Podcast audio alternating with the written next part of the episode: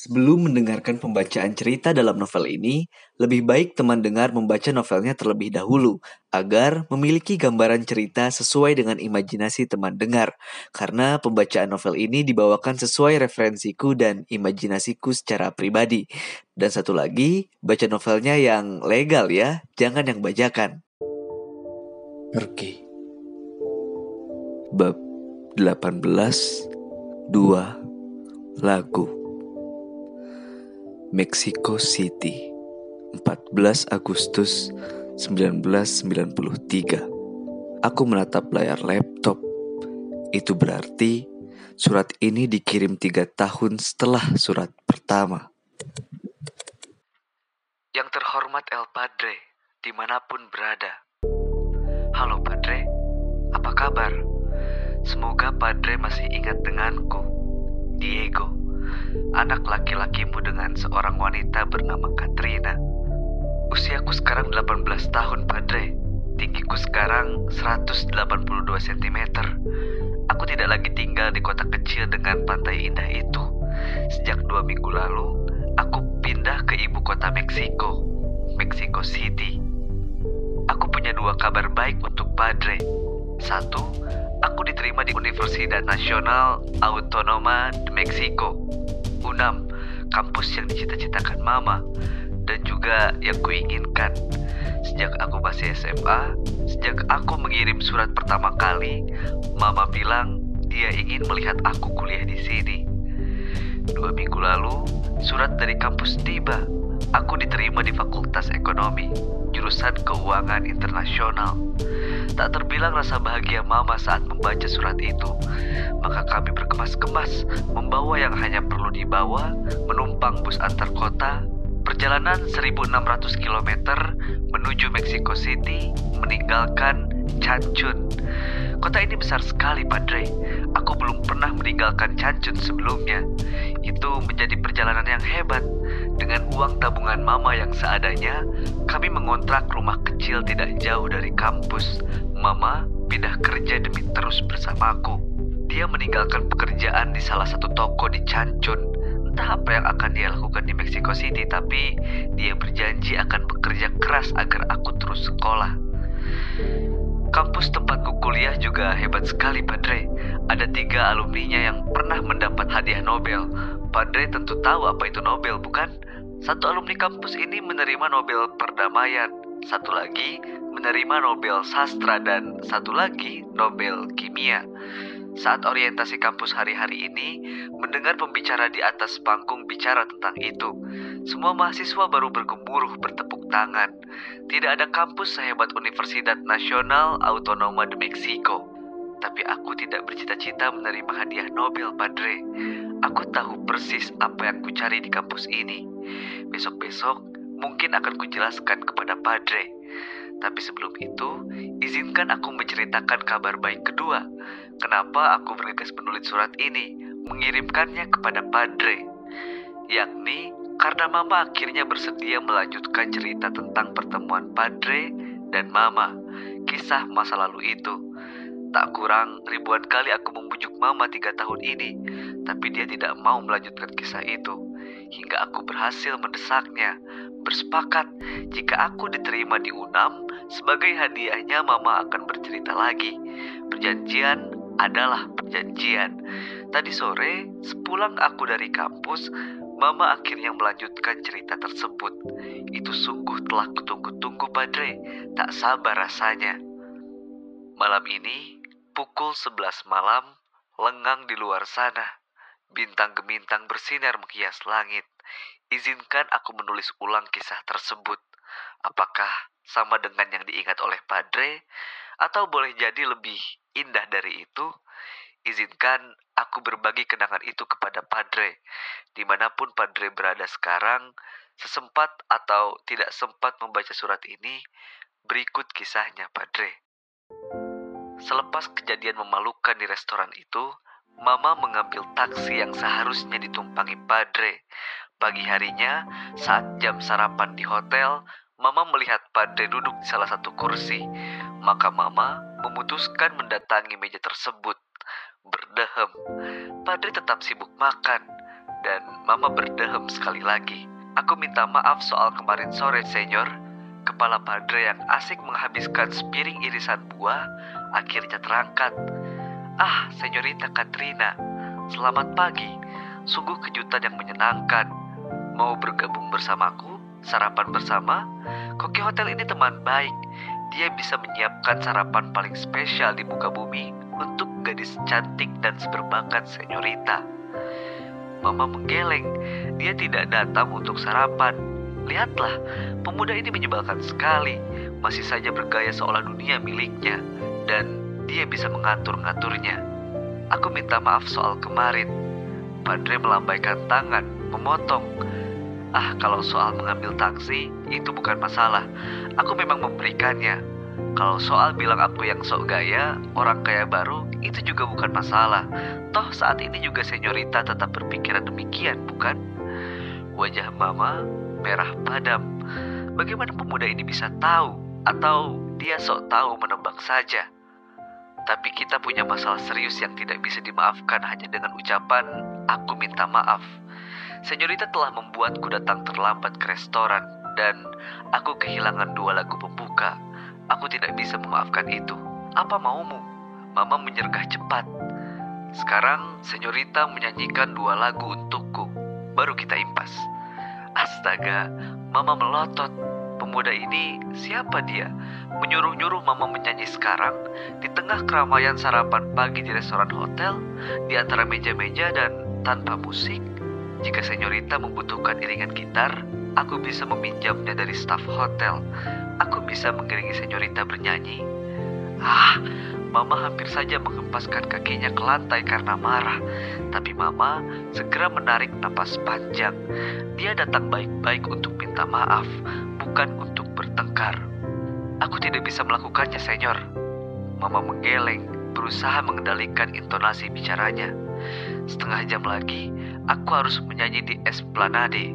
Aku harus buru-buru. Hmm, betul juga. Aku lupa soal itu. Senyorita memang dijadwalkan tampil di sana sebentar lagi. Pastikan senyorita tidak telat tiba di sana. Ini rush hour, jam berangkat kerja. Taksi susah didapat. Sial pemuda ini, itu bukan urusanmu. Jika ingin menurutkan emosinya, Mama ingin berseru kalimat tersebut. Baiklah, semoga semua berjalan dengan lancar, senyorita.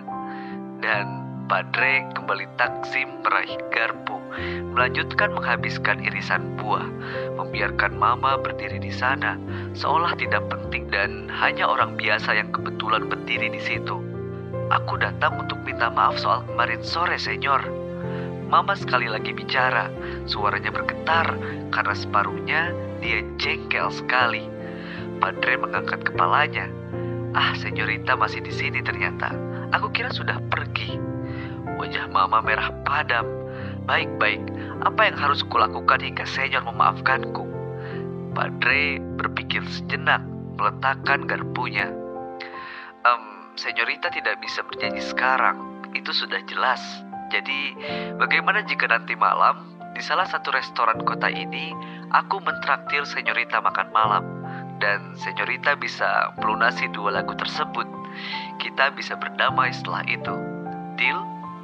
Jika menurutkan dirinya, Mama sebenarnya bisa saja meninggalkan pemuda ini, bisa saja menghindar bertemu dengannya, dan masalahnya pun selesai. Dia bisa melakukan itu semua, toh dia tidak berhutang apa pun kepadanya. Tapi entahlah, Mama tidak tahu apa yang sedang terjadi di hatinya. Pemuda ini, dia benci sekali dengan laki-laki yang bergaya seperti ini. Sok hebat, sok kaya, tapi ada yang berbeda dengan pemuda ini dia bad boy yang sebenar-benarnya bukan topeng, bukan kulit luar, melainkan memang begitulah hidupnya. Um, bagaimana, senyorita? Pemuda itu menunggu. Mama menelan ludah, mengangguk. Tapi aku hanya bernyanyi dua lagu. Aku tidak akan makan malam bersamamu. Setelah bernyanyi, aku akan pergi dan Jangan pernah lagi mengundangku. Jangan coba-coba lagi bertemu denganku. Paham? Mama mendengus. Padre mengangkat bahu. Deal.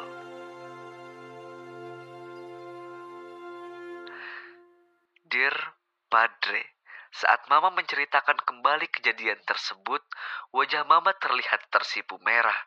Aku tahu, meski itu menyebalkan saat pertama kali terjadi, setelah berpuluh tahun terlewati, semua menjadi kenangan yang indah.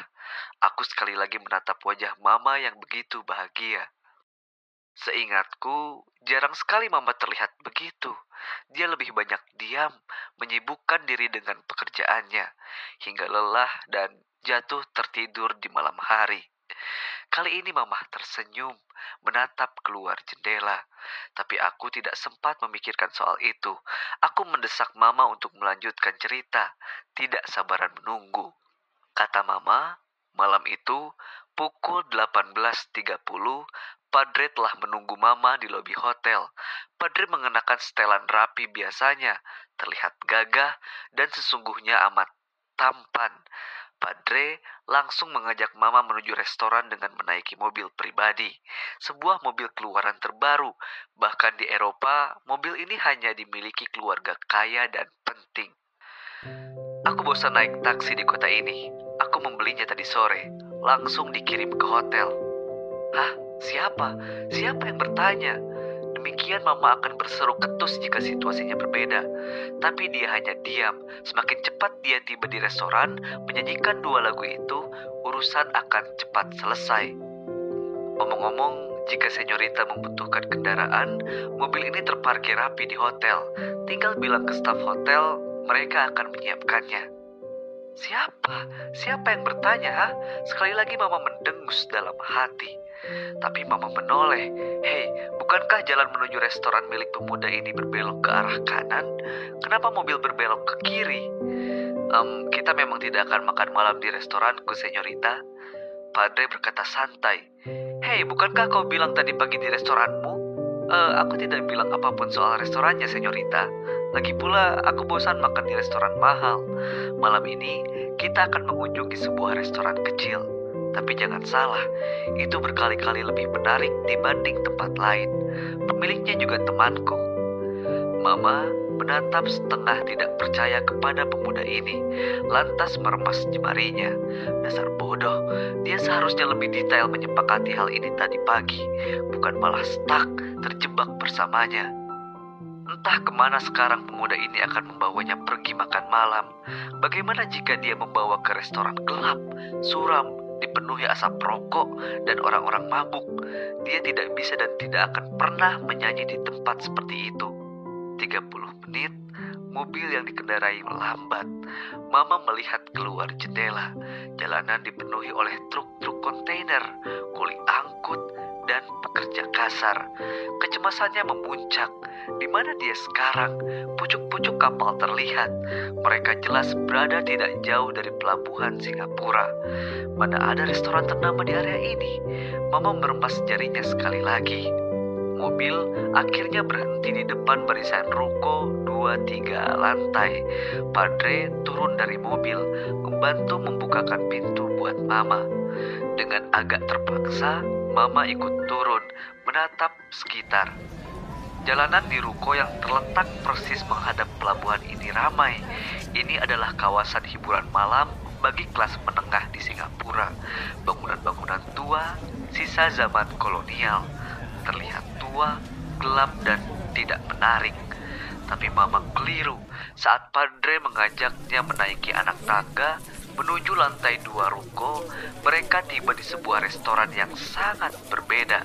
Astaga, Mama menatap terpesona. Tempat ini seperti oase di tengah gurun. Dia terlalu meremehkan sebelumnya, mengira hanya restoran tempat pekerja kasar berkumpul. Restoran itu kecil saja, hanya ada 15 kayu meja bundar dengan 4 kursi masing-masing. Nuansa kayunya kental sekali. Lantai, perabotan, langit-langit semua terbuat dari kayu terbaik, menyisakan jendela kaca dengan ukuran besar-besar dan tinggi, menghadap persis ke pelabuhan. Dari sini, kesibukan pelabuhan Singapura terlihat jelas. Kapal-kapal besar merapat, kren terlihat menawan lampu warna-warni, dan kesibukan jalanan. Ah, Don Syahdan, pemilik restoran berseru, sungguh sebuah kehormatan. Padre tertawa menyelami pemilik restoran yang menyebutnya. Malam ini restoran terisi penuh, hanya menyisakan satu meja kosong, dan itu sudah dipesan oleh Padre. Pelayan lalu lalang membawa nampan berisi makanan. Aroma lezat makanan tercium pekat. Udang-udang besar, kepiting, restoran ini spesialis masakan laut dengan nuansa klasik restoran Spanyol. Ada panggung kecil di restoran, tempat live musik atau sejenis itulah. Lampu-lampu gantung sederhana tapi menawan, pernak-pernik hiasan di dinding. Mama menyukainya pada pandangan pertama. Apakah dia penyanyi terkenal dari Spanyol itu? Pemilik restoran berbisik kepada Padre, ragu-ragu. Pemilik restoran itu usianya 50 tahun, wajahnya ramah, masih mengenakan celemek. Dia juga merangkap kepala koki di restoran ini. Padre mengangguk. Apakah dia sungguhan akan bernyanyi di sini? Aku tidak sanggup membayar honornya, Don Syahdan. Restoran ini meski ramai, tidak sebesar milikmu. Tenang saja, dia akan bernyanyi gratis. Apa? Sungguh? Pemilik restoran berseru. Padre mengangguk mantap. Ah, tapi kita punya masalah lain, Don Syahdan. Pemain musikku malam ini libur. Mereka tidak datang. Siapa yang akan memainkan musiknya? Eh, kau punya gitar? Tentu saja aku punya. Stafku bisa menyiapkannya segera. Itu cukup. Aku yang akan mengiringinya bernyanyi. Padre menjawab dengan santai. Astaga, Mama tidak terlalu mendengarkan percakapan itu. Dia terus melangkah melewati meja-meja, menatap sekitar sambil tersenyum. Restoran ini mengingatkannya pada restoran favoritnya di Madrid. Dulu, waktu dia masih kecil, sering diajak oleh kedua orang tuanya makan malam sebelum dia menjadi yatim piatu. Senyorita, kita telah melewati meja kita. Padre mengingatkannya. Mama menoleh. Padre menunjuk meja. Mama seketika menggeleng. Aku tidak akan makan malam bersamamu. Ingat itu. Mama berseru meski sudut matanya menatap hidangan lezat kepiting di meja sebelahnya. Aroma masakannya membuat meneguk liur.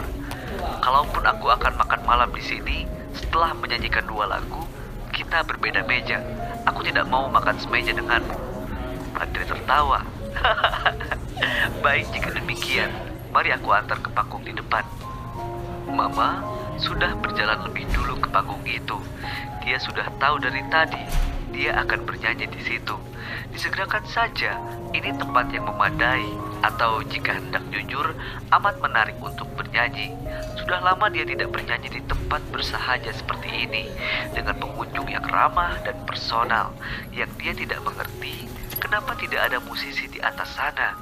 Padre ikut melangkah dan naik ke atas panggung, meraih mic, mengetuk-ngetuknya, memastikan mic tersebut sudah menyala.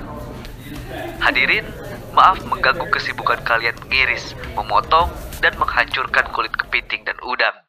Padre memulainya dengan kalimat pembuka, membuat kepala-kepala terangkat menatap panggung. Malam ini, seorang penyanyi akan menghibur kita. Hei, aku kenal dia. Salah satu pengunjung berseru. Gadis itu adalah penyanyi Spanyol yang datang ke kota kita. Aku kehabisan tiket pertunjukannya di mana-mana. Dan malam ini, dia ada di sini. Ah, puji Tuhan. Keriuhan terdengar dari 15 meja. Seruan-seruan antusias. Ya, dia adalah Senyorita Katrina. Jika begitu, aku tidak perlu memperkenalkannya lagi. Padre tertawa kecil. Restoran itu ramai oleh tepuk tangan. Dia akan membawakan beberapa lagu. Hei, aku hanya membawakan dua lagu. Mama memotong dengan galak. Iya, iya, dua lagu, dua lagu. Padre mengangguk. Baiklah, kita mulai saja. Mama beranjak berdiri di depan tiang mik sambil menoleh ke sana kemari. Mana musisinya?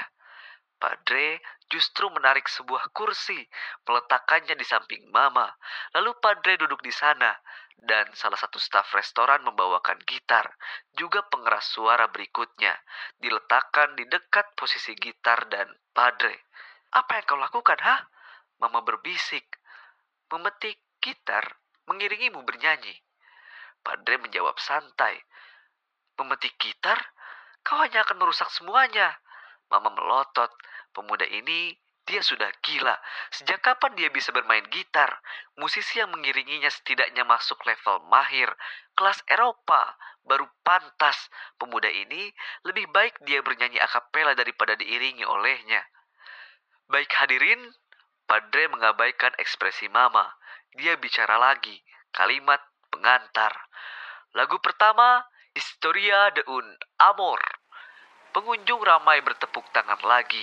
Mereka tahu lagu terkenal itu. Sebuah lagu tentang kisah cinta seorang laki-laki tua. Lagu ini ditulis seorang pencipta lagu tahun 1950-an untuk menghibur saudaranya yang istrinya baru saja meninggal. Perasaan cinta yang besar, yang sebesar apa pun dia, tetap akan berakhir saat waktu telah berakhir. Menyaksikan saudaranya yang bersedih hati, penulis lagu ini membuatkan sebuah lagu indah untuknya. Hadirin, Historia de un Amor. Padre mulai memetik gitar, memainkan intro lagu. Jemarinya lincah meniti senar gitar. Denting suaranya terdengar indah. Restoran itu terdiam, seperti ada yang mematikan saklar suara. Juga Mama menatap pemuda yang duduk di sebelahnya. Ya Tuhan, sungguh dia tidak menyangka. Dia kira pemuda ini hanya membual saat tadi pagi menawarkan diri di hotel. Tidak, pemuda ini memang pandai sekali memetik gitar. Dia bahkan tahu sejarah lagu itu sebelum memulai. Dia bisa menjiwai petikan gitar sepenuhnya. Padre balas menoleh, tersenyum menatap Mama, berbisik lembut. Sekarang, senyorita. Mama langsung tergagap. Satu, karena dia ketahuan sedang menatap pemuda ini dengan tatapan yang berbeda. Dua, sudah sejak tadi seharusnya dia mulai bernyanyi. Intro itu sudah tiga kali diulang oleh Padre. Mama menarik napas, mulai Ya no estás más a mi lado, corazón. En el alma solo tengo soledad. Y si ya no puedo verte, porque Dios me hizo quererte para hacerme sufrir más. Siempre fuiste la razón de mi existir. Encontrarte para mí fue religión. En tu beso sí encontraba el calor que me brindaba el amor y la pasión.